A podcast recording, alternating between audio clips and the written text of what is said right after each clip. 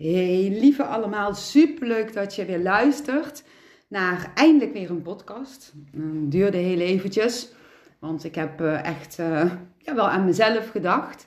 En ik zit uh, hier in de gekleurde kamer met mijn lieve schat, uh, zielsvriend hmm. Leon van der Zanden. En ja, ik vind het fijn, Leon, dat je samen met mij nou ik al zo lang even geen podcast meer op heb genomen, om daar even samen te doen. Ja? Ja, want mijn punthoofd die had wel zoiets van... Uh, ja, aan de ene kant zegt hij, ja, maak een podcast. En aan de andere kant, als ik dan wil beginnen, dan zegt hij, ja, wat moet je nou toch zeggen? Dat komt omdat ik het al lang even niet heb gedaan. Dat is oh heel normaal. Maar uh, ik vind het wel uh, heel fijn om dat dan lekker met jou samen te doen. En ik ben gewoon wel eigenlijk van plan om wel weer wat meer te gaan podcasten. Maar je weet natuurlijk nooit hoe het allemaal verloopt. Nee. Een beetje een uh, roerige tijd achter de rug. Ja. waarbij het echt wel nodig was om uh, aan mezelf te denken. Maar super leuk dat jij uh, bij mij bent. En dat we samen lekker weer gaan babbelen. Ja. Um, ja, nou, laat ik even het woord aan jou. Dan neem ik even een slokje thee. nou, en ik vind het heel eervol om bij jou in de podcast te komen. Mm. Ik weet niet of we dat al eerder een keer vertelden, want ik heb al een keer eerder erin gezeten dat wij het ooit, of jij hebt het ooit bedacht. Of wij hebben het ooit bedacht, maar we zouden het ooit samen doen, weet je Ja, dat klopt. Toen ik nog geen uh, podcast uh, had gemaakt, wilde, was ik al heel lang bezig van, oh, ik wil een keer een podcast maken. Maar toen was een punthoofd helemaal in de error. Ja. En uh, ja, in die tijd um, ja, hadden wij eigenlijk elkaar net ontmoet, maar dan in echte vriendschap, ja. zeg maar, hè? Toch? Dat ja, dat goed? Ja, ik ben niet zo en toen kwamen we meer bij elkaar. Ja, dat wel, ja. En uh, ja, toen, toen, ja, onze verbinding werd steeds sterker, zeg maar. Dat was toen in die tijd. En um, ja, jij hebt mij wel echt uh, geleerd om ja, gewoon te doen en niet zo moeilijk te doen. Ja. En toen zijn wij ook wel een beetje daaruit gaan proberen met podcast. Weet je nog, toen deden we dat met de camera en zo. Ja, en, dat, dat vond ik wel even een brug te ver.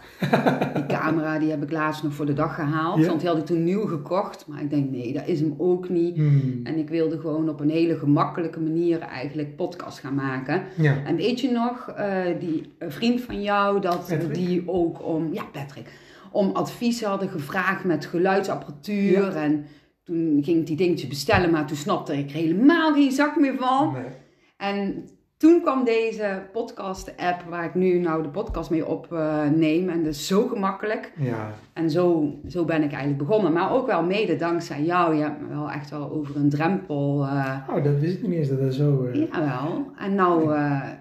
Help je mij weer over een drempeltje heen om gewoon samen weer de podcast Ja. te, te doen. Nou, ja. Met veel liefde, want ik geniet altijd van jou uh, als jij naar buiten komt met wat jij allemaal van binnen bij je draagt. Daar geniet ik van heel veel mensen voor. Dat is een beetje mijn, mijn beroep. Ik weet niet of mensen mij kennen, maar je zou me kunnen kennen als um, uh, televisiemaker. Ik ben olifantendoder geweest op Omroep Brabant. Een programma wat ik vier, vijf, vijf jaar heb gemaakt, vier jaar heb gemaakt. Uh, ik ben Piet in het Sinterklaasjournaal. Ja. Dat speelt nu. Ja. Uh, volgens mij was ik uh, de, zaterdag en maandag nog op televisie daarmee. Ik ben cabaretier geweest. En ik geef trainingen en workshops. En dat gaat eigenlijk altijd over met jezelf naar buiten komen. Vertrouwen, verbinding, dat soort woorden komen heel veel voorbij. Dus dat is mij helemaal mijn passie. Net zoals de jouwe nu klei is, is Ja. dat mijn. Ja, ja, daar hadden we het net Ja. eventjes over. eh, hè, van waar ik nu heel erg mee bezig ben, is met klei. Ja. En die klei die gebruikte ik als heel jong meisje al. En dan maakte ik gewoon ja, iets van wat in me opkwam. En eh, nu ben ik daar weer aan het, aan het oppakken. En dat is zo lekker speels. En ik voel helemaal ja, dat kleine meisje in mij wat kunstenares eh, wilde worden. Maar dan gewoon niet vanuit het ego, maar gewoon vanuit een, ja, een, missie, een, ja. bezieling inderdaad. Bezieling, daar, ja. daar willen wij het ook deze podcast Ja. ook wel een beetje over hebben. En ja, dat is heerlijk. Het is zelfs gewoon verslavend. Ja. Dat hè, Michiel, mijn eh, andere schat, die is eventjes naar Berlijn. En ik dacht uh, heel het weekend alleen te zijn. En ineens komen al die kinderen thuis en hier slapen. Ja, kinderen zijn echt obstructies als het gaat over je passie en Ja, je zielsmissie. ja en ik dacht, holy shit.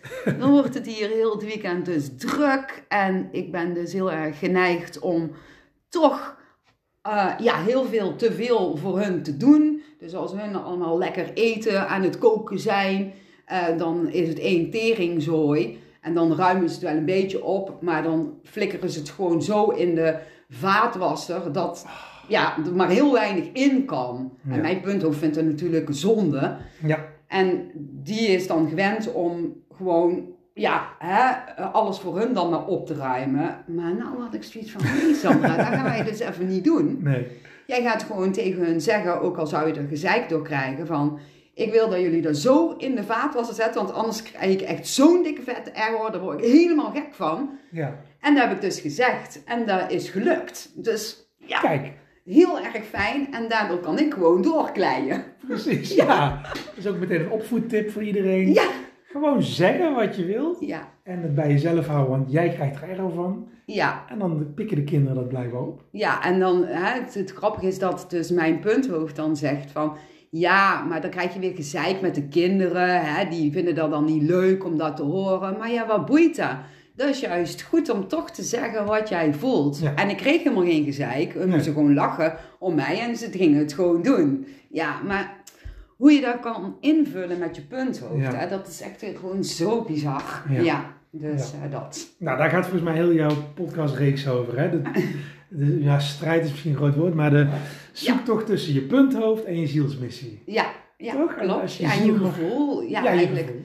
Ja, zielsmissie. Ik denk dat eh, alles bij de ziels... eh, nou ja... Nou ja, de zielsplanning, daar hoort alles bij. Ook een punthoofd. Ja, die hoort er ook bij. Ja, Ja, en een zielsmissie zou je dan... Zou je dan misschien... Ja, beter een ander woord voor kunnen gebruiken. Maar dat weet ik niet of dat, dat klopt. Want ik denk dat het ook bij de zielsmissie hoort om af en toe in je punthoofd te zitten. klopt. Maar misschien iets uit bezieling doen Ja. is een ander verhaal. Ja, want ik, denk, nee, ik ben het met je eens hè, dat, er geen, dat je kunt geen fouten maken. Ja, Je kan alleen een bewuste weg kiezen of een onbewuste weg. Ja. Als punthoofd heel vaak het woord heeft, dan is het heel erg onbewust. ja, Want dan doe je dingen vanuit je punthoofd en dan is je bezieling op een laag pitje. ja, ja, En als je je het bewust maakt, dus ook punthoofd ziet van hé, je bent er weer, wat fijn. Maar ga toch bewust kiezen om jou even in je hangmatje te leggen. ja, Dan kun je je bezieling weer meer laten stromen. ja. En dan voel je die flow Juist. en dan voel je je lekker. En Ja. je kunt je eigen ook niet altijd lekker voelen en altijd in die flow zitten. Het is ook nodig om af en toe in het punthoofd te zitten. Ja. Omdat ik zelf geloof dat je van daaruit iets heelt of iets Mhm. Ja. verwerkt. Ja. Wat weer te maken heeft met het verleden. En ook dat hoort erbij. Maar we hebben natuurlijk wel met z'n allen een beetje afgeleerd om dat oké te vinden. Dus als we pijn voelen of verdriet, of we voelen ons even down of niet lekker, of het gaat gewoon niet lekker, of je zit met iets heftigs, dat mag niet, hè? nee. Maar wie zegt dat dat niet mag? Ik heb het gevoel dat dat juist dan even de bedoeling is. Ja. Ja, En door het meteen allemaal weg te willen hebben of meteen op te willen lossen, ja, zet je eigenlijk alles voor mijn gevoel nog vaster. En dan zit je nog meer in je punthoofd gevangen. ja. En wat ik van jou geleerd heb, is dat je terwijl er kut situatie aan de hand is, dat je dan een, eh, op een manier ernaar kan kijken dat je niet je bezieling loslaat. Ja, Dus je blijft je bewust van dat het onderdeel is van jouw groeiproces. Terwijl die kutsituatie nog steeds aan de hand is en hij is echt vervelend en je hebt er echt last van. ja. Maar er komt een rust in jezelf die jou ziet dat beleven. Dus je Ja. ziet dat je dat doorleeft. Ja, eh, ja, zo helemaal eh, mee eens. Ja, tenminste, zo voel ik het ook. Ehm, wel ehm, heb ik laatst nog meegemaakt dat ik zo in een pijnstuk zat dat ik het even niet zo kon zien. Hmm. Dus toen zat ik toch even ja, gevangen in het punthoofd. En ik heb het eh, gevoel dat dat ook helemaal oké was op dat moment om ergens heel diep doorheen te gaan. Ik was me er wel bewust van dat ik in mijn punthoofd zat. En daarmee bedoel ik ook dat ik eigenlijk, ik zat eigenlijk in een innerlijk kind wat wat pijn heeft meegemaakt Hmm. vanuit het verleden. En ik zat er heel de dag zat ik er al in. Ik voelde het ochtends al. Dat ik voelde me heel erg verdrietig en ik begreep even niet waarom. Maar ik wist van oké, dit is een innerlijk kind waar ik nu in zit. En ik liet het gewoon gebeuren. En ik had daar ja, heel de dag eigenlijk last van. Het Ja. was best heftig. Wel, normaal gesproken is het veel korter. Maar nu duurde het gewoon lang en ik liet het gewoon gebeuren. Hmm. Ik, ik voelde me eigenlijk ook die dag niet goed, want ik had heel erg pijn weer in mijn buik. Ja, ja. Hè, dat is nog steeds aan het herstellen. En het ene moment heb ik heel veel pijn en het andere moment voel ik me eigenlijk echt keigoed. Dus ik mag heel erg een balans vinden in ehm, ja, dat te doen wat goed voor me is en te voelen wat niet goed eh, voor me is. Maar ook met voeding en zo. Dus daar ben ik helemaal mee bezig en dat lukt eigenlijk aardig goed. Maar soms dan heb ik dus nog soort van terugval. Ja. Dan zei die arts ook in het ziekenhuis van... Ja, dat dat heel normaal is. Dat duurt nog wel eh, twaalf maanden, zegt hij. Eer dat al helemaal gewoon ja, Stabiel goed is. En ja. soms krijg je dat.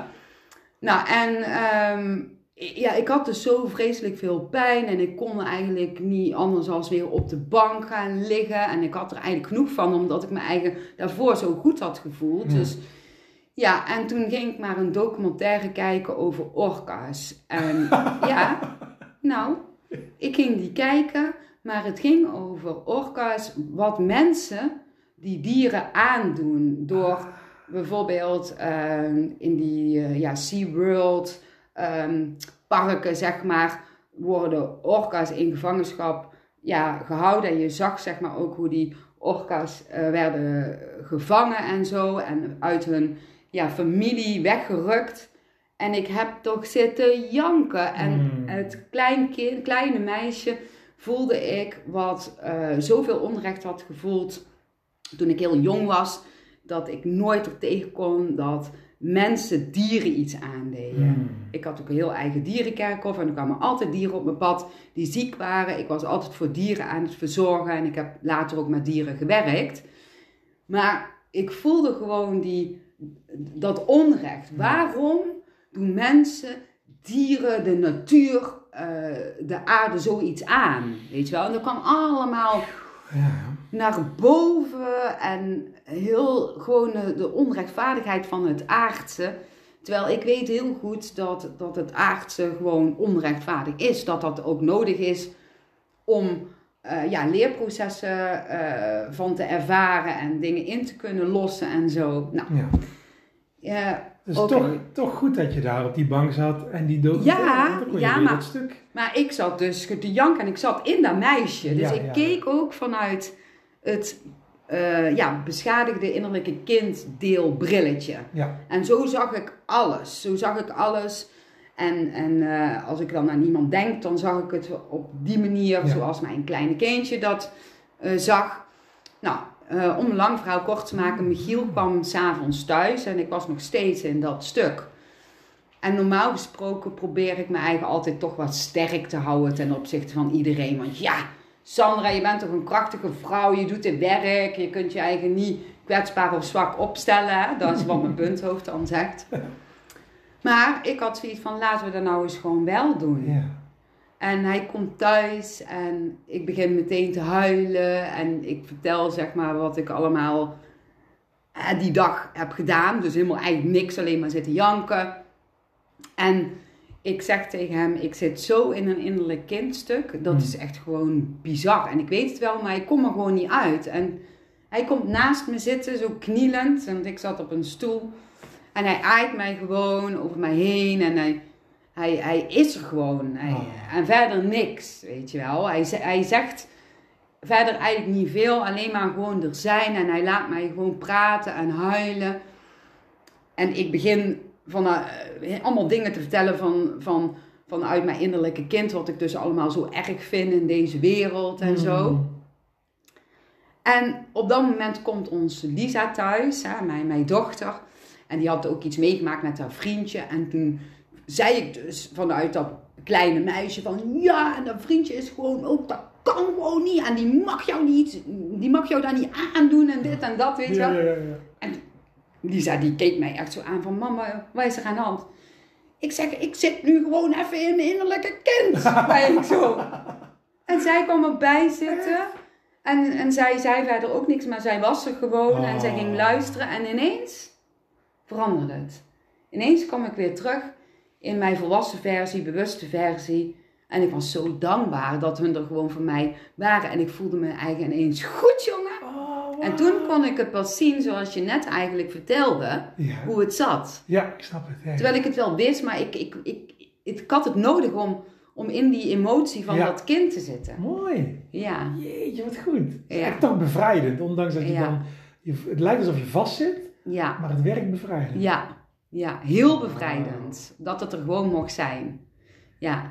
En van vanaf dat moment voelde ik ook geen pijn meer. Oh, het voelde Oh. alsof heel de zwaarte van me af was gaan. Alsof het nodig was om mezelf gewoon te uiten. En dat ik gewoon mij kwetsbaar op mag stellen als mijn innerlijk kind. Ja. Ja, ja heel mooi. Ik had het met, eh, nog niet zo lang geleden.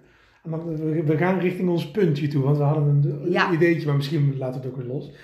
Maar dit sluit hierop aan. Ik, ben, ik, was echt in ruzie eh, boos met mijn, met mijn vrouw. En eh, voelde ik de hele dag al. En s'avonds, zij lag al in bed. En ik zeg, ik wil dat je me nu laat uitpraten. Ik wil het één keer tegen jou zeggen. Ik stond daar, ik weet nog precies hoe ik stond. En zij lag daar en zei, oké, vertel maar. Dus ik begin. En na, na zes woorden begon ze alweer. Ik zeg, ik wil dat jij mij laat uitpraten op de manier waarop ik het nu zeg. En ik dacht toch, Leon, wat ben je aan het doen, man? Wat gebeurt er allemaal? En zij nam daar geen notie van. Ze nou, doe dan. En we waren gewoon zo boos. En op een gegeven moment eh, begon ik weer aan de zin. En ze onderbreekt me weer. En ik begin gewoon als een klein jongetje. Ik zeg, ik, moet hier maar stoppen. Ik moet hier maar stoppen. Oh, oh, oh. En ik loop de deur uit. En ik loop zo eh, de kamer uit. En, en David die ziet mij, die had ik net op bed gelegd, mijn zoontje. En die kijkt en papa, wat doe je raar? En ik stond voor hem zo briesend. Zeg ik, mama doet raar. En toen liep ik naar beneden. Maar David was heel relaxed. Die was echt zo, oké, dan doet mama raar. Nou, dus die keek zo naar mij en toen liep ik weg. En op dat moment dacht ik, ik heb het fout gedaan. Dit had ik als vader nooit mogen laten zien aan mijn zoon. Wat moet mijn vrouw wel niet van me denken? Ik vond het echt zo gênant. En stom dat ik iets had laten overnemen. Ik voelde alsof ik was overgenomen door, een, door pijn en onterecht en alles. Maar later keek ik terug en eh, ik weet niet, één, twee dagen later dacht ik... Oh, wat fijn dat ik er even de ruimte heb gegeven. Ja. En iedereen begreep, ik heb, de- ik heb nooit sorry hoeven zeggen of David iets uit hoeven leggen. Het was gewoon even zo. Ja, En eindelijk viel ik uit mijn rol, zoals jij ook die dag uit je rol bent gevallen. En dat werkt toch zo bevrijdend. ja, ja. Fijn, hè? Die, echt fijn, ja. Je voelt dan ook een soort van overgave ja, op was echt, een of ja, andere ja, manier. ik kon niet anders. Ja, Maar het is inderdaad overgave aan dat er iets groters is dan al jouw bedachte zijn, weet je wel. ja, ja. Maar heb, heb jij daar ook dat, eh, dat veel mensen denken dat bijvoorbeeld ik altijd sterk ben en Ja. ik het altijd weet Ja, en ik altijd krachtig ben, want ik ben dan ja, bezig met de jaartraining, hè? dan ben ik even de juf. ja, nou, nou, het is heel leuk. Maar ik vertel dan heel vaak van ja, maar dit is wat ik ook soms nog heb. Of dit wat, is wat mijn punthoofd ook nog zeggen. En dan, dan hebben ze zoiets van ja, is dat zo, Hmm. weet je wel? ja. Ja, dat is zo. En het is zo, zo, zo mooi om te vertellen. En daarom wil ik dat ook even in deze podcast delen. Ja, dat ik ook zo mijn dingen heb. En jij ook. En degene die luistert ook. En de meest krachtige persoon op de aarde heeft ook zo zijn dingen. Ik kan me eigenlijk voorstellen dat hij niet nooit iets heeft. Nee. Ik weet Want- dat mijn, mijn meester, Pierre, daar heb ik wel eens over verteld. Oh ja, ja, ja. Daar heb ik eh, heel veel, eh, of ja, ik noem hem mijn meester, maar ik heb daar heel veel van geleerd over zielenwerk en, en chakra's en dat soort dingen. Opstellingen. Opstellingen. En toen, ik, inmiddels ken ik hem 13 jaar. En na zes jaar of zo was ik een keer vriendschappelijk bij hem. En toen had hij, en was hij aan de lijn met een schilder die drie dagen daarvoor had moeten schilderen, had hij niet gedaan. En die Pierre, die flipte, jongen. Je bent een lul, je bent een lul. God voor een god. En ik zag hem en ik denk, ben jij dit ook? Ja, Jij ja. was toch een verlichte meester? ja, nee, ja. Normaal niet. Maar dat vond ik fijn. Dat Ja. vond ik fijn, want daarmee Ja, maakt het menselijk. En dan zijn de dingen die hij mij leert, en dat leert hij niet omdat hij verder is dan ik. Dat leert hij omdat hij dingen doorleefd heeft. ja. Inclusief dit. En dat is veel geloofwaardiger dan iemand die, ah, alsmaar, ja. dan ben je ook geen mens meer, hè? Ja, ik merk ook, zeg maar, als ik dat dan, als ik mij dus gewoon kwetsbaar opstel en gewoon ook mens ben, laat het zo Ja. zeggen, dat, dat mensen dat ook heel fijn vinden. Ja. Van, oh gelukkig, jij hebt dat ook. Of Ja. jij zit er ook mee te stuntelen of te klooien. Ja, en ja, dat vind ik dan heel fijn dat mensen dat weten dat ik dat ook heb. Want om me eigen steeds maar sterk op te blijven stellen, Ja. dan, voelt, dan, dan voelt het alsof dat je in een soort van toneelrol zit. En het is eigenlijk allemaal naar jezelf. Want wij vullen nu in voor andere mensen dat ze dat niet zouden willen zien. Of dat daar Ja, onprofessioneel dat is. klopt. Ja, Maar dat is gewoon, ik vind van mezelf dat ik dat niet mag. ja. En dat zeg jij net Ja. zelf ook, hè? Ik Ja. mag dat niet laten Mijn zien. punthoofd wil dat niet laten zien. En ik ben daar wel steeds meer aan het zien, maar laten zien. Maar als je kijkt naar tien jaar terug, nee, dan eh, durfde ik dat niet, helemaal niet te laten Nee. zien. En nu doe ik dat steeds meer, meer en meer. Ik ben gewoon wie ik ben. That's en it. Je bent helemaal niet verder of verlichter of beter Nee. of sterker. Het, Nee. is, het is juist sterker dat je dat... Ja, In de film Lord of the Rings, ik, ik hou zo van die, van die mooie oude verhalen Lord of the Rings. Heb je die, die eh, Gandalf? Heb je die, die films wel eens gezien? Ehm, ja, ik heb ze wel niet zo, zo, zoveel gezien als jij. Dus ik ken ze niet zo goed. En ik heb niet heel alles gezien. Maar Gandalf is de oude Ja. wijze tovenaar. Ja, En die wordt op een gegeven moment kei kwaad. Flippend kwaad. Het hele beeld trilt dan ook een beetje. Op een van die eh, ehm, dwergen, wou ik zeggen, maar dat is geen dwerg, maar halflingen die met hem mee is. En die doet iets heel doms. En dan zegt hij, Pellegrin, cook, you fool! En dan, ik, op dat moment had ik hetzelfde als wat ik net zei. ja. Oh, wat fijn. ja dat hij dat ook doet. Hij vlucht hem ook af en toe. Ja. Dat maakte hem eigenlijk nog wijzer. Ja, ja, mooi is Dat dat. is mooi. Ja, Dus ze moeten gewoon aan onszelf toegeven. En ook als je luistert, geef maar aan jezelf toe. ja. ja. Dat, je, dat je mens bent. En, en anders hou je jezelf weg bij andere mooie lessen of mooie cadeautjes die, die er Ja. liggen. En ik geloof ook dat als je je eigen heel sterk voordoet, maar je voelt, ja, je voelt je eigen misschien op dat moment gewoon niet zo lekker, of Ja. je zit wat meer in je punthoofd, dan straal je uit, hè. Ja. Dus je straalt dan geen krachten uit, Nee. maar je straalt uit wat er op dat moment speelt. En als jij je eigen anders voordoet, als wat, wat jij uitstraalt, dan voelt iemand dat. Ja. Ook al kan die helemaal niet bewust voelen, dan voelt hij dat in Ja. de onbewuste laag. ja, dan loop je niet synchroon met jezelf. Ja, hetzelfde als dan iemand zegt van ja, het gaat hartstikke goed, terwijl je voelt Ja. van hmm, ik weet het niet. Nee. Hè? Maar doordat je leert om naar de woorden te luisteren die iemand zegt in plaats van de energiefrequentie, ben je misschien in het verleden wel heel vaak in de war geraakt van ja, is mijn gevoel nou goed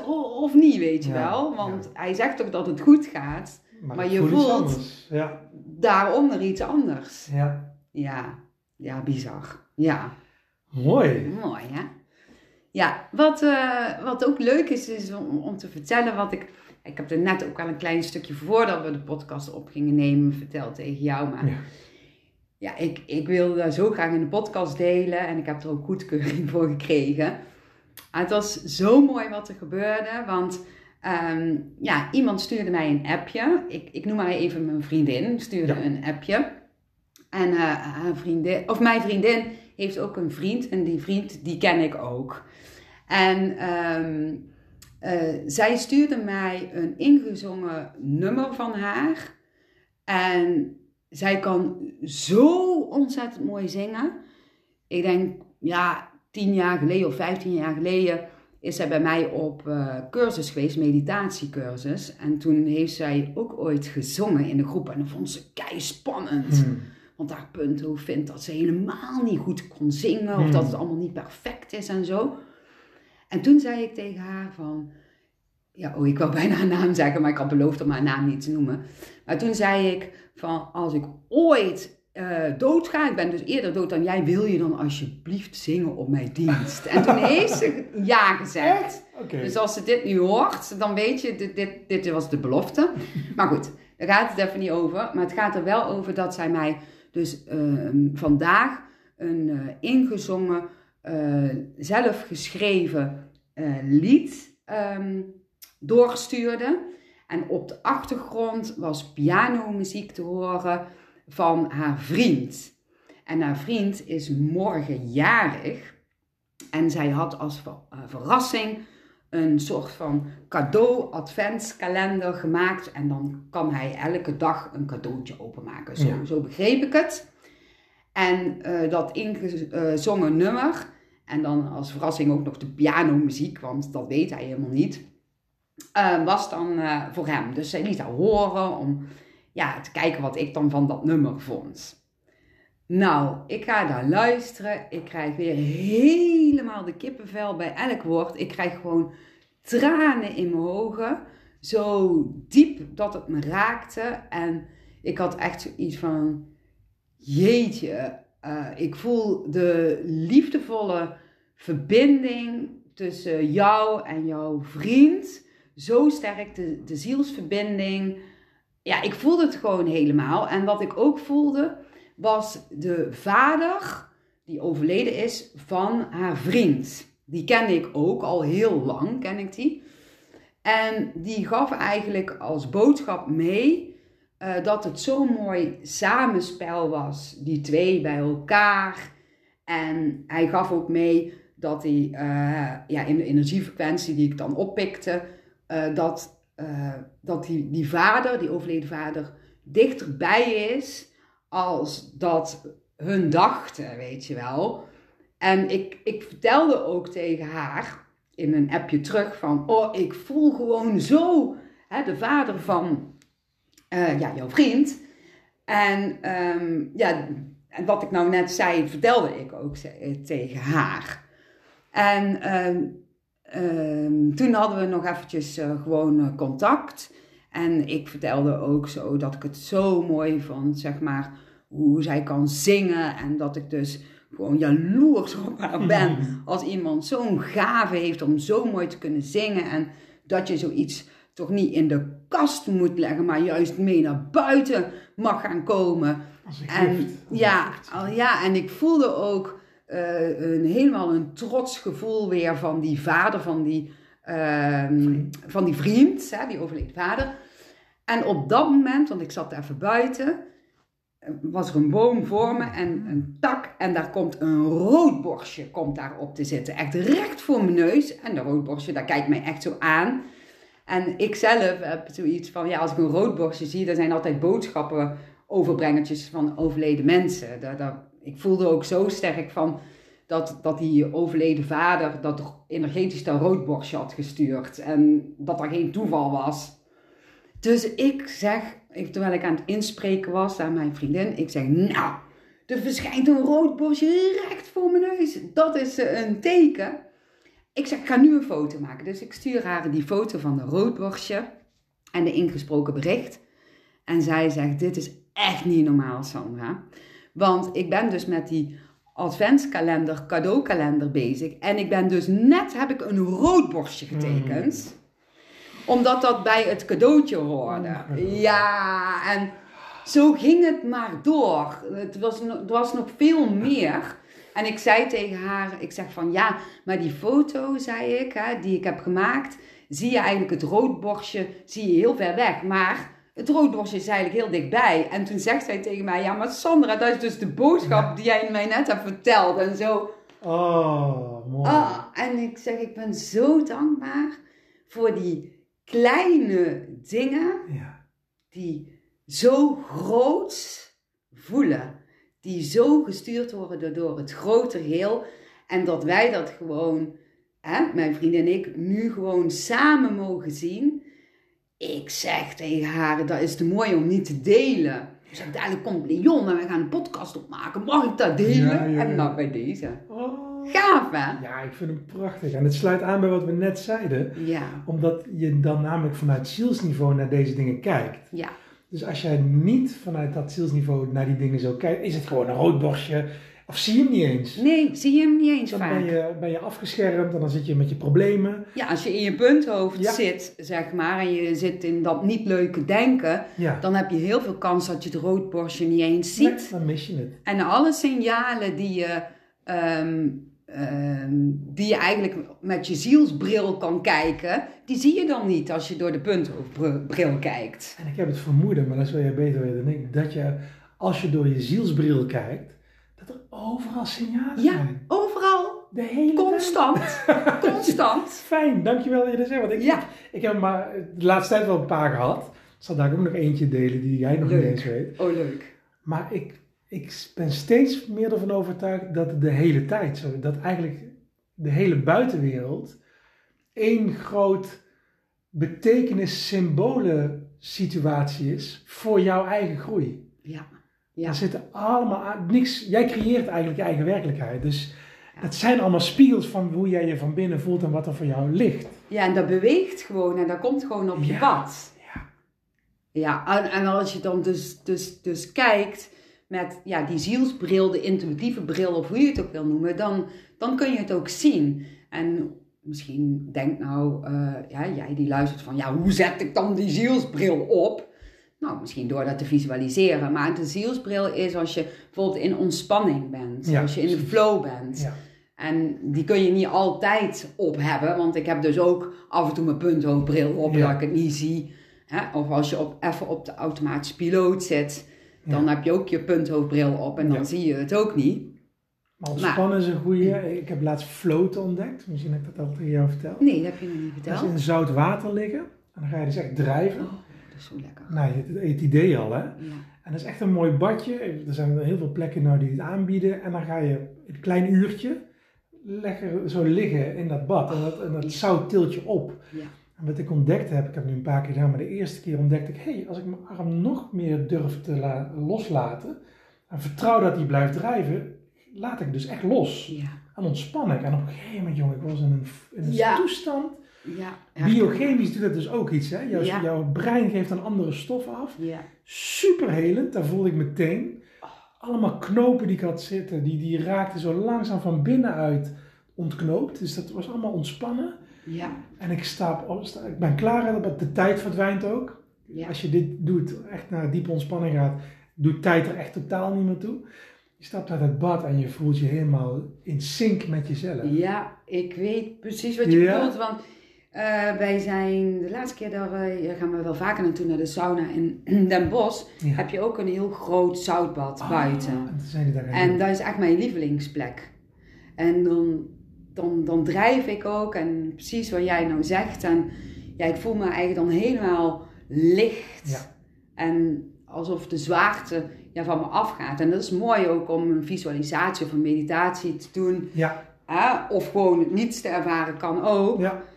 Ah, het is zo ontzettend Oh. lekker. Dat is echt, eh, echt mijn lievelings iets van mij om te doen. Ja. En een andere die ik pas ontdekt heb is Yoga Nidra. Ik weet niet wat het betekent, want ik heb het echt net ontdekt. Dus ik ben er nog niet ingedoken, maar gewoon op YouTube Yoga Nidra ingetypt. En het eerste filmpje was in het Engels, maar je hebt ook Nederlands. En dat be- bereikt eenzelfde soort staat. Dus een, een vrouw leidt je eigenlijk door je lijf heen. Denk nu aan de bovenkant pols, nu aan je eerste vinger, je tweede vinger. En dat doe je. En ja ik voel ze ook echt via meditatie of zo. Half een soort meditatie, Ja. die ik van jou ook af en toe opzet zo om lekker te ontspannen. Maar deze is echt gericht om die staat te bereiken van ontspanning. Oh. En nou, ook daar, ik voelde de biochemie veranderen. Dus ik voelde dat mijn lijf een ander spulletje ging aanmaken. Volgens mij benoemden ze het aan het einde van die meditatie ook van oxytocine. En nou, ik, ik ga nu namen noemen die ik helemaal niet snap. Maar ik voelde echt dat er een, alsof de fabriek een ander stofje ging aanmaken. Waardoor ik in een soort ontspanning kwam. En ook de, de hele ochtend heb ik die bij me gehad. En dat was zo relaxed. Ja, lekker hè? En dat is de zielsbril. Ja, dat wil ik net zeggen. Dat Want dan kun je door de zielsbril eh, Ja. kijken. En dat is zo eh, Oh. ja, mooi. Ja. Nou, eh, ik heb twee voorbeelden. Eén korte, die is vandaag, daarom dat ik hem wil benoemen. Gisteren, het is nu 24 november, gisteren was 23 november. Toevallig zat ik op Instagram, heel kort, ik wilde even iets checken. En toen kwam er een foto van Helmut Woudenberg. Ken je Helmut Woudenberg? Nee?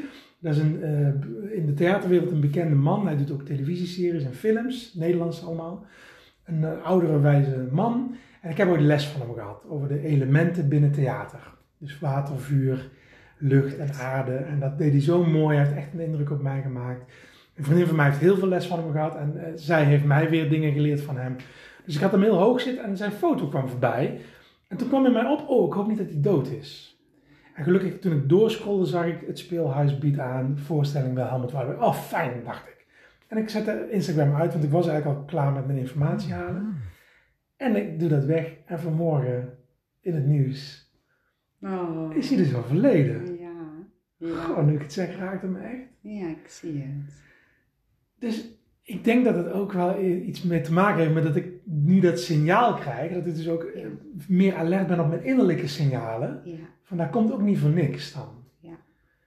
En nu geef je er wel aan, aan die signalen, die innerlijke signalen, geef je er meer gehoor aan Ja. als eerst, toch? Ja, En dan, als je er meer gehoor aan geeft, kun je het ook zien. Of dan kom je er ook achter wat het ja, betekent. ja, En dan krijg je ook een bevestiging. En ja, wij mensen houden graag van bevestiging, tenminste ik wel. ik ook. En eerst zien en dan geloven. En als je best wel al een aantal keren bevestiging krijgt, ja, dan ga je er nog meer in geloven en dan zie je nog Ja, meer. ja. En dat is super vet gaaf. Ja. Er is zoveel meer als Ja. alleen de Ja. aardse werkelijkheid. Ja, ik weet het, maar ik zit er zo af en toe in vast in die aardse werkelijkheid. Ja, ik ook. Ik ook. Net met dat kleien ook. Hè. We- ook voordat we de podcast op hebben, hebben we ook een stukje verteld. Hè. Ehm, ja, mijn punthoofd, die kleidt op een hele andere manier als mijn gevoel. Die wil meteen resultaat, meteen grote beelden. Klaar. Want we zijn toch gewend, dus dat moet. Ja, En ehm, mijn, mijn speelse innerlijke kind, die nog niet bedolven is door wat ze allemaal mee heeft gekregen van hoe het hoort en hoe het moet.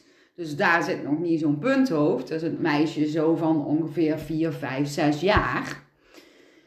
Ja, die speelde vroeger al met klei. En die deed maar gewoon wat. En van daaruit ontstond er wel wat. ja, En mijn punthoofd heeft zoiets van, ja, als je iets gaat maken, dan moet je dat wel zo mooi maken, zodat je kunt verkopen, want dan kun je er geld mee verdienen Ja. en bla bla bla bla. functie hebben. Ja, nut hebben. functie, nut hebben, je Geen mag niks verspillen. Ja! Tegelijkertijd, Ja, echt oh, mooi. dat is een belangrijke. Dat is. Je mag geen tijd verspillen, hè?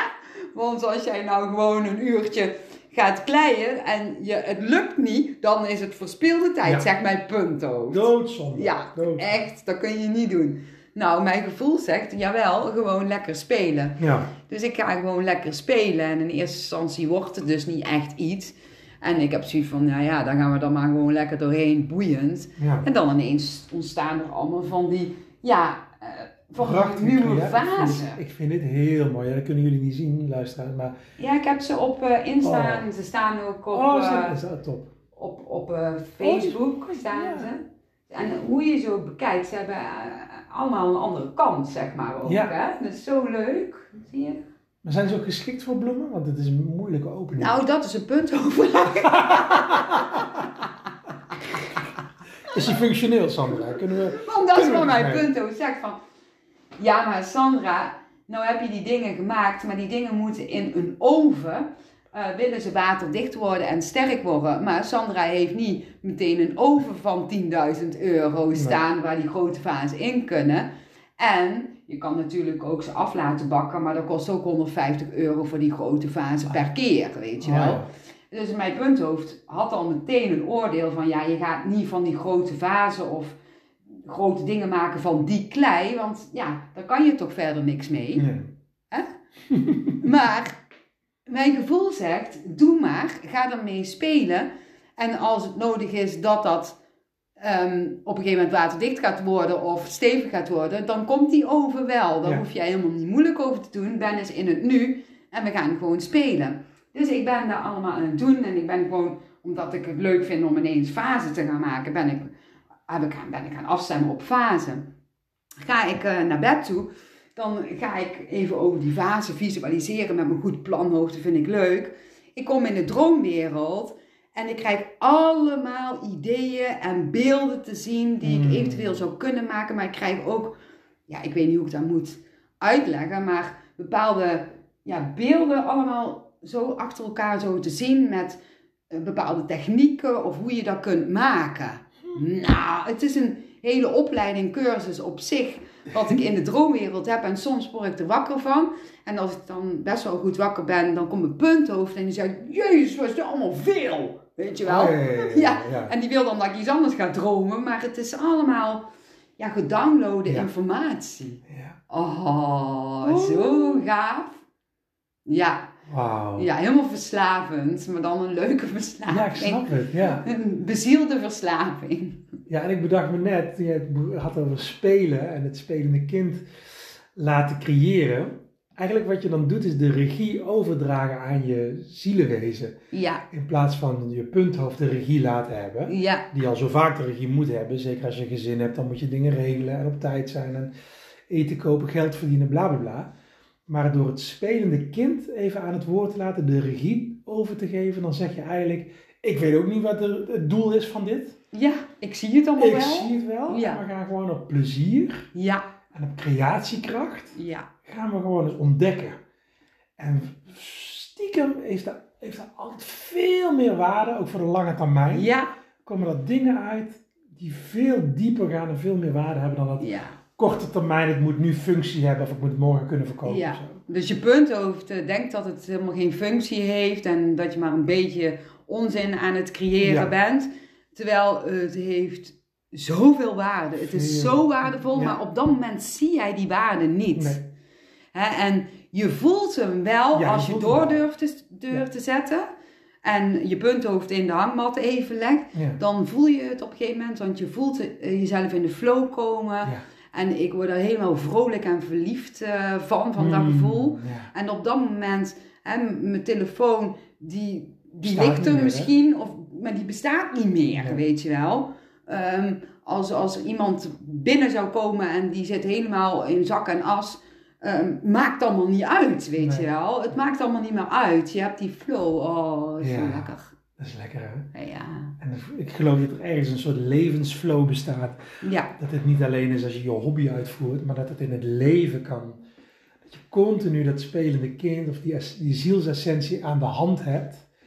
En dan kun je de he- het hele leven gaan zien als een, een flow status. Hè? ja, Zonder dat je daarmee eh, alleen maar happy bent. Want het, eh, daar heb je nog steeds, eh, wat we in het begin zeiden, kutgevoelens en kutsituaties. En de, het echt niet meer weten hoe moet, hoe verder. Maar je houdt wel de ziel bij je. ja. Waardoor je je niet meer zo verlaten voelt en zo eenzaam hoeft te voelen. Ja, ik geloof ook dat je daarin groeit. Hè, Hmm. dat als je daar steeds bewuster van wordt, dat je dat ook dan steeds sterker voelt. Maar Ja. nogmaals, ik kan dus ook wel eens ooit even in Ja. die pijn zitten. En het even niet eh, zien, terwijl ik wel weet dat dat zo is. Maar ik zit gewoon eventjes in die pijn. En Ja. ik geloof dan dat dat ook dan even nodig is om iets op te halen wat met nog veel meer te maken heeft als wat je denkt. Ja. Misschien met andere tijdlijnen, vorige levens of Ja, whatever. Want het is zo groot. Het verhaal eh, om het aardse verhaal heen is zo groot, wat we allemaal niet weten. ja.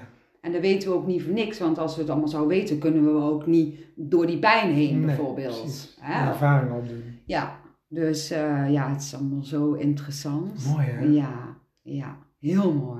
Onderweg hier naartoe luister ik nog eventjes eh, Joshua. Oh ja, ja, dat boek. Ja, die zet ik echt aan als, als mijn zo goed, signalengever. Hè? Dus ik, ik, ik zoek ook nooit een speciaal hoofdstuk op. Ik zet hem gewoon aan. Ja, En op de bok. Ja. Altijd fucking raak. Soms gewoon letterlijk dat ze de woorden uitspreekt. Degene die het boek voorleest, want ik, ik luister het boek. Soms letterlijk de woorden die ik, die ik, waar ik mee bezig ben, zeg maar. En deze ging over dat het niet alleen met je vorige levens te maken kan hebben, de pijn waar je doorheen gaat, maar zelfs met de oorsprong, hoe je aan het hele aardse bestaan bent begonnen. ja. De eerste afscheiding, de eerste pijn die daar ontstaat, dat je uit het geheel gaat en een eigen pad op gaat, de eenzaamheid, de, de niet verbonden voelen. Daar, dat is de kern van de ui, denk ik. Al die andere lagen, vorige levenservaring, zijn ri- ringen van de ui, waar je zeker wat aan hebt om daar doorheen te gaan en dat los te laten en bij toen te laten. Maar deep down begint het natuurlijk ooit met de- het begin Ja, toen we uit, dat, uit de bron weggegaan zijn. Wat, fanta- wat een supergoed besluit. Ik, ik ben daarvoor, maar deep down voel ik wel. Oh, Hoe zie jij dat? Ik vind dat wel leuk om, om eh, dat je een beetje het uitlegt aan degene die luistert hoe je dat ziet. Maar dan doe ik heel eventjes deze opname even Oh ja. opslaan. Ja. En dan nemen we nog even een stukje verder op. Ja? Ja. Oké. daar zijn we weer. Ja.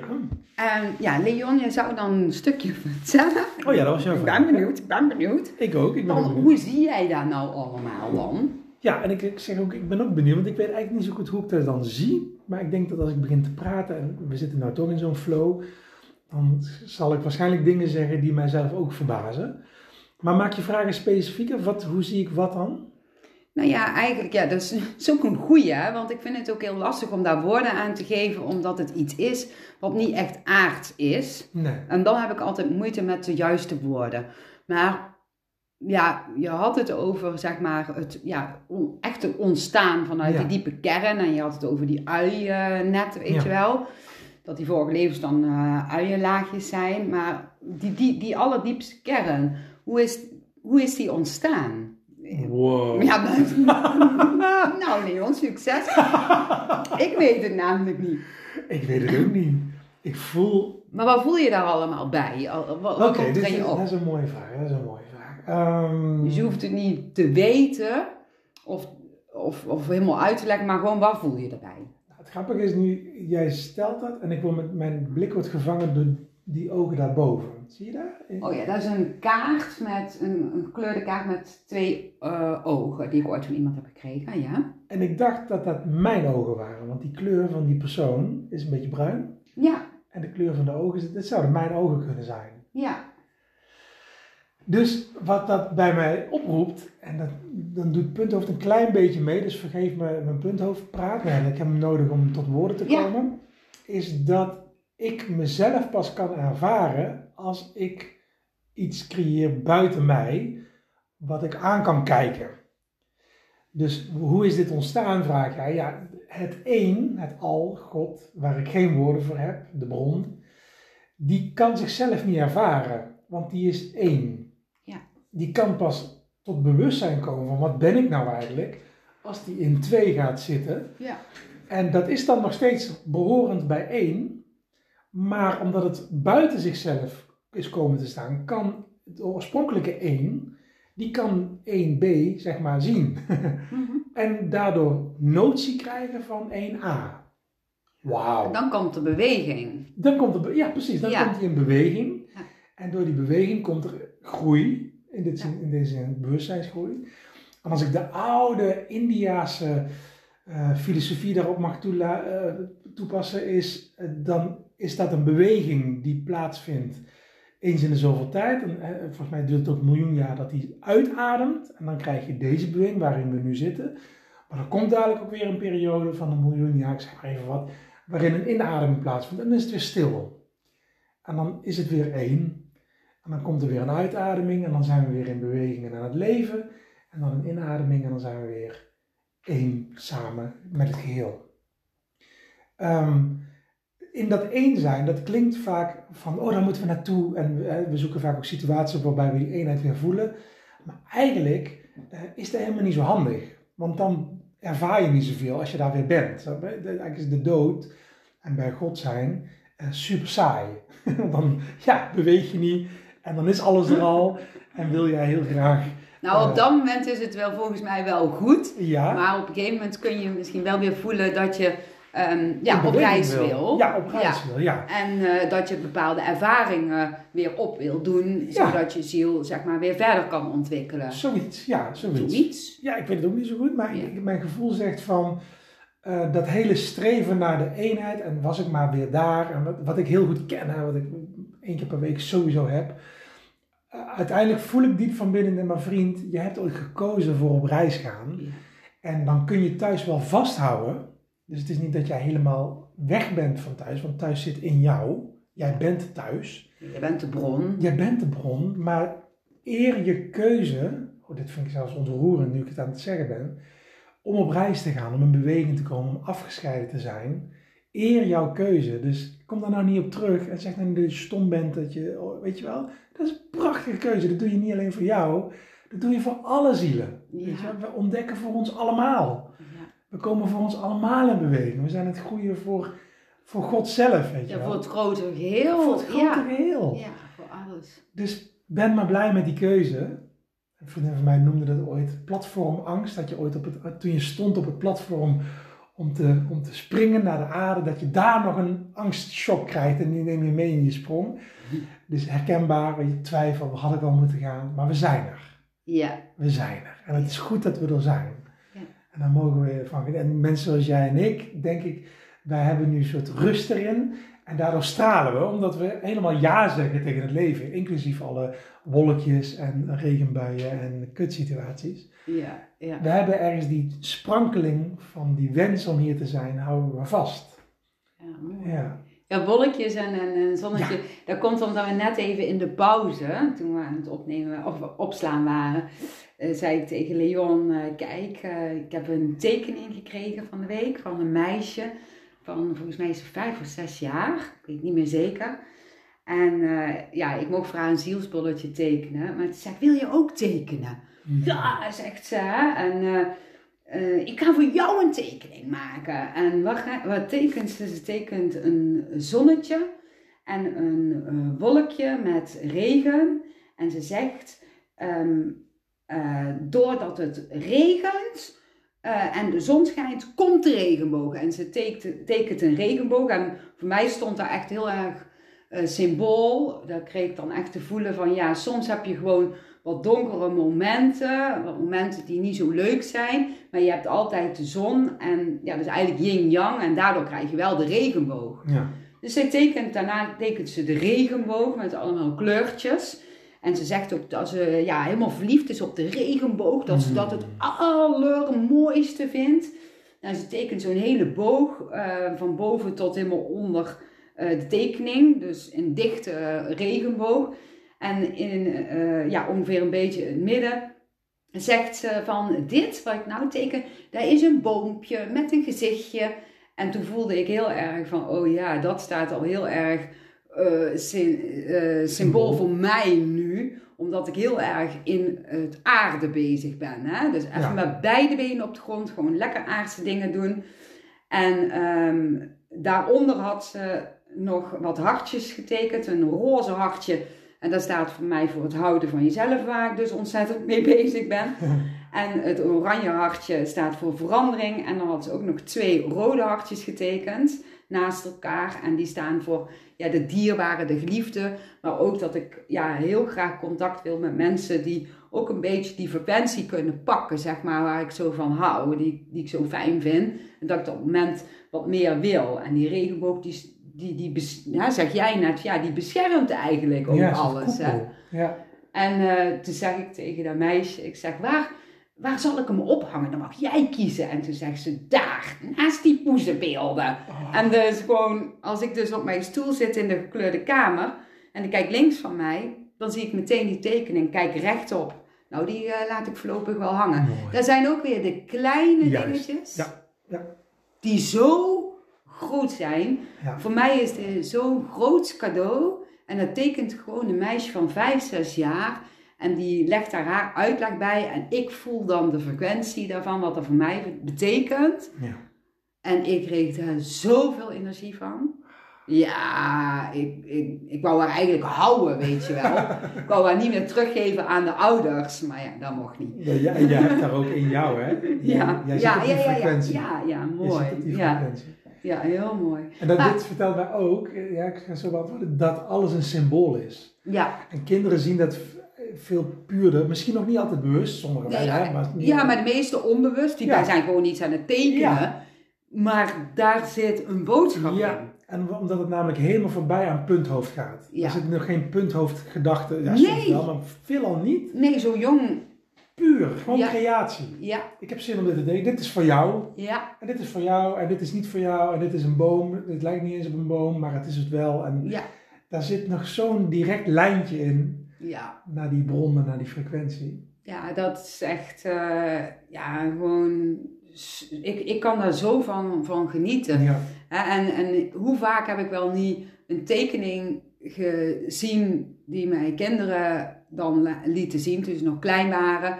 En dat ik gewoon keek, maar ik keek helemaal niet. Ik was met in mijn punthoofd, ik was met mijn gedachten heel ergens anders. Ik denk, nou, ik doe me net of dat ik kijk en dan ben ik ook weer er vanaf. Gek, hè? Maar ja, dat, dat is de waarheid. Ik ken het. En dan heb ik gewoon al die boodschappen gemist. Ja. En ik heb natuurlijk gelukkig heel veel tekeningen bewaard. En ja, enige tijd geleden was ik bezig met een fotoalbum maken voor mijn moeder.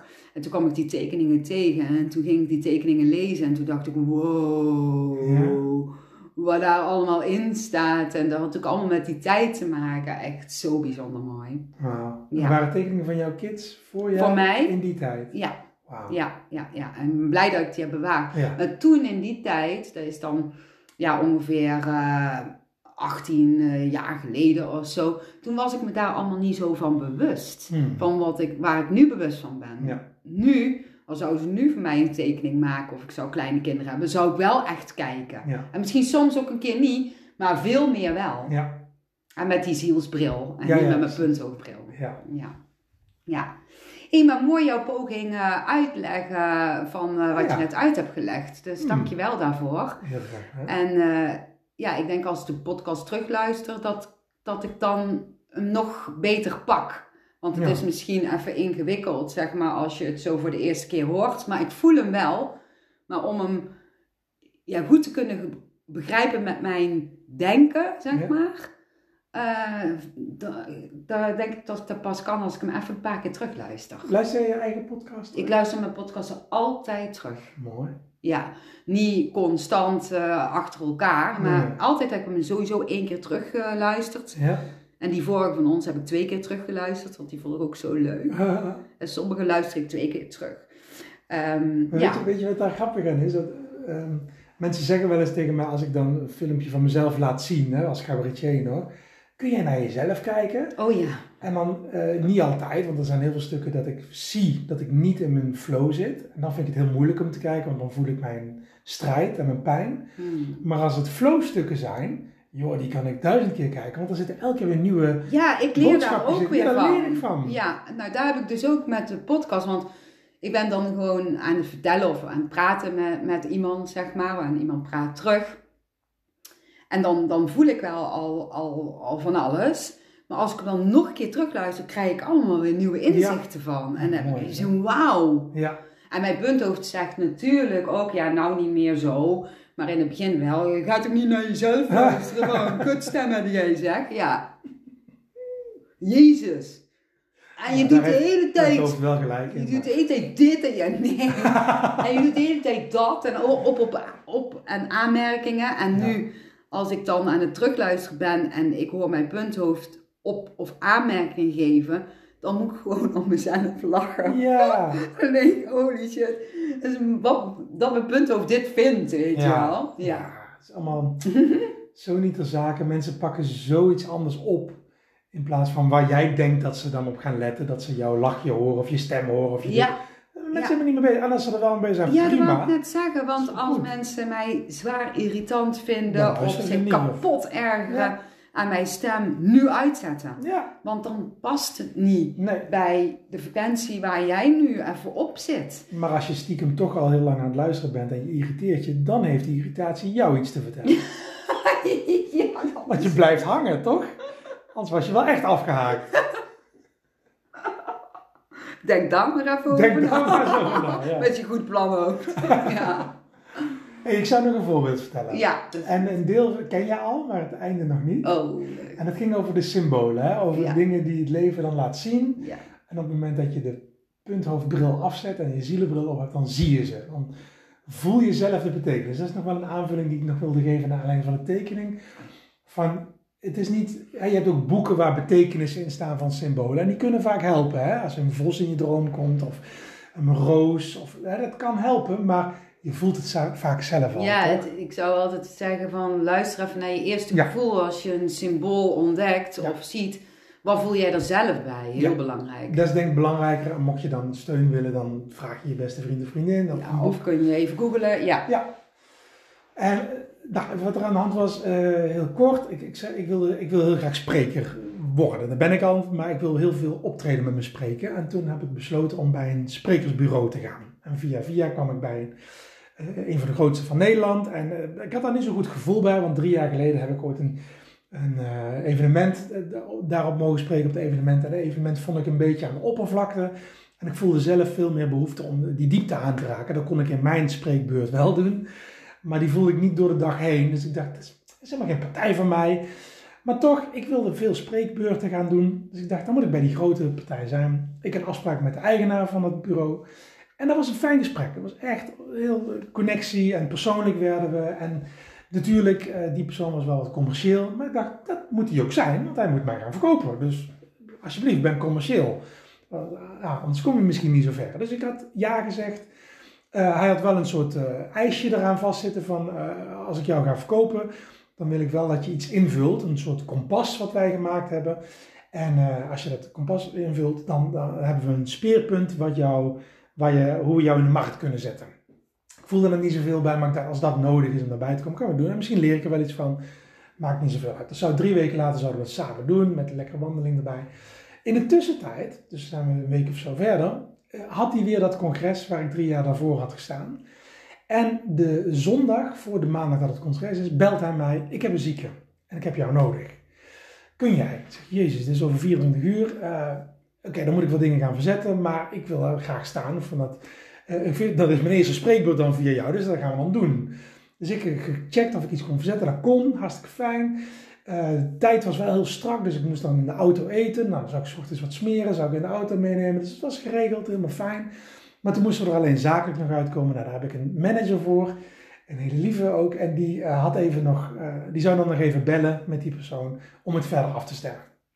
Nou, die, mijn manager die keek even terug in de boeken wat we drie jaar geleden ontvangen hadden voor zoiets. En die zei, nou minimaal dat, maar liever wat erbij, want we zijn drie jaar verder en je hebt het, is, het moet morgen gebeuren, weet je wel. En hij moet er andere dingen voor afzeggen. Ja, je bent ook gegroeid in jouw ontwikkeling en ja. zo. Ja. ja, dat vind ik altijd moeilijk om te zeggen. Maar nee, maar dat zeg ik dan eventjes. En uh, uh, ja, wist jij al waar, dat, waar je dan over ging spreken? Of moest ja. je daar ook dan... Ja, okay. wel mijn vakgebied. Echt over performance. Oh ja, ja, ja. ja, ja. Dus dat, nou, dat, is, dat, is, ook mijn ding natuurlijk. Dus uh, nou, maar ik wil dat graag doen, dus daarom heb ik een manager. Want als het aan mij ligt, doe ik het sowieso. Zeg maar, al is er maar 3 euro voor. Dan, ja. Ik vind dat zo leuk, omdat als jij met kleien, als je dat mag doen, dan wil je dat gewoon doen. Ja. Maar daar heb ik een manager voor, van ja, het is ook jouw brood. Je doet daarnaast niks anders. Ja. Dus je moet wel iets mee verdienen. Er was telefonisch contact, maar dat heeft niet lang geduurd. Want blijkbaar wilde die andere persoon uh, onder de prijs gaan zitten van drie jaar geleden. Waarop mijn manager zei, ja, maar sorry, dat is raar. Want we zijn drie jaar verder enzovoort. Nee, dan zoek ik wel iemand anders. En hij hing op. Heftig. Dus mijn manager die zegt uh, op zondag, ja, ik weet niet wat nu de bedoeling is, maar blijkbaar wil hij het niet. En ik denk, ja, hallo, ik heb net mijn dingen afgezegd en ik had een heel plan. Ja, moet, het, moet ik nou zelf bellen? Wat moet ik nou doen? Ik zat even in de stress. Volgens mij heb ik jou toen ook nog even mm -hmm. uh, geraadpleegd. Uh, nou, om dat verhaal wat af te ronden, ik kreeg nog een appje van, ik had nog een appje gestuurd van, hey, gaat het alsnog, moet ik even bellen? Uh, niks op gehoord, belde ik, werd ik weggedrukt, kreeg een appje terug en in dat appje werden de dingen omgedraaid. Het was alsof wij hem hadden afgepoeierd en in plaats van andersom. En ik mocht heel blij zijn dat hij met mij, dat, dat ik, hij tijd wilde investeren in het omvullen van het kompas. Terwijl dat was helemaal niet mijn idee. Maar, nou, dus ik voelde helemaal omkering en ik dacht, ik wil hier eigenlijk niet zoveel mee te maken hebben. Dus ik wil die lieve man bedanken, maar ik ga niet in zijn bureau, want anders krijgen we de hele tijd dit. Maar ik wist niet hoe ik dat moest vertellen, want ik zat ook nog in een soort boosheid en verontwaardigheid. En nou, ik vond het oneerlijk, dan krijg je die weer. Hè? Dus ik dacht, ik stel het uit, mijn reactie naar hem. En we hadden gelukkig nog een week voordat die wandeling zou zijn. Dus ik dacht, voor die tijd moet ik wel reageren, want anders ja, verwacht hij mij op de wandeling. Maar ik, ik laat het liggen. Nou had ik proefappjes gemaakt. Misschien ja, ja, ja, ja, ja, ja, ja, ja, ja, ja. Uh, tip, doe dat niet in WhatsApp zelf, want druk je per ongeluk op verzenden, is hij weg. Ja. Maar dat had ik niet gedaan, dus ik had hem lekker geoefend en uh, teruggelezen. En hij vond te boos en ik wilde iets gemeens zeggen. Nou, ook eruit gehaald, voelt niet goed. Dus op vrijdag, maandag zou het congres zijn, op vrijdag had ik hem helemaal goed. Ik was tevreden en vrijdagochtend denk ik, pas, ik stuur hem eruit. Ik zou die dag met mijn vrouw naar een hotel gaan. En uh, ik dacht, dan wil ik dat ook uit mijn systeem hebben. Dan is het, kan ja, ik lekker, wil lekker genieten. Lekker ja. vrij zijn. Dus verzend. Wij zitten in de auto op weg naar het hotel in Haarlem. Maar, maar wacht ja. even, ja, ja, ja. mogen we dan weten wat, wat er een beetje in stond? Of ja, nog niet? Jawel, maar dat was uh, neutraal. Dus ik zei, ik wil je bedanken voor het eerste gesprek. Dat vond ik erg prettig. Maar het voelt nu niet goed om verder te gaan. Iets in die bewoordingen. Dus ik wil je bedanken. Maar voor mij laten we het hierbij. Ja, En toen ik het verzonden had, heb ik ook zijn eh, contact gedelete. Want ik, ja, ik wil daar gewoon niks terug. Ik wil ook niet van, oh, slaat het op. Of misschien dankjewel. Had ik helemaal geen zin in. Dus ik Het is heb hem gewoon een gesloten gesloten boek. En in, de- in, de, in de energie had ik hem bedankt, zeg maar. Ja. En dan voelt dat goed voor mij. En, Ja. eh, nou. Dus in de auto, wij zitten daar onderweg naartoe. En mijn vrouw vraagt, goh, hoe heb je dat eigenlijk opgelost eh, met, die, met die man? Ik zeg, oh, dat is een leuke hele vraag, want ik ben heel tevreden over het appje. Lees maar eens. Dus ik laat dat appje lezen. Ze zegt, oh, dat heb je mooi gedaan. Heel neutraal. Mooi afscheid genomen. En ze geeft mijn telefoon terug. en ik zie in mijn achteruitkijkspiegel een auto. Nee. En ik denk, is dat niet die auto van die jongen? En ik stoot mijn vrouw en ik zeg, volgens mij is dat de auto van die jongen. En ik laat mijn auto een beetje terugzakken en die auto rijdt voorbij.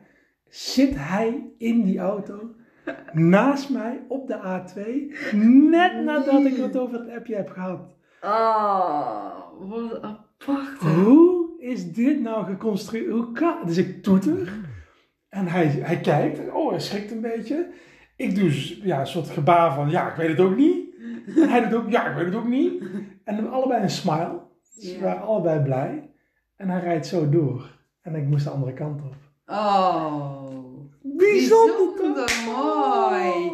Ja, maar dat is lekker hè? Daar krijg je ook zo'n lekker gevoel van. Ja. Ja. En dat lekkere gevoel zat in, laat het maar aan het leven over. Ja. Want als ik een minuut later was vertrokken, of eerder was vertrokken, of Dan was het niet dan gebeurd. was het niet gebeurd. Nee. Hoe, hoe vaak ontmoet je iemand die je kent op de, in de auto? Dat is toch super weinig? Ja, dat is echt eh, ja, gestuurd door het grotere geheel. Dat denk ik dus Ja. ook. Ja, dus ik ben heel benieuwd. Ja, ik, ik heb dan toch het gevoel eh, dat dan ook misschien wel een staartje gaat krijgen. Oh, nou, Eh, dan- maakt ook niet uit Nee, of dat dan wel of niet zo is, Ja. maar een leuk staartje.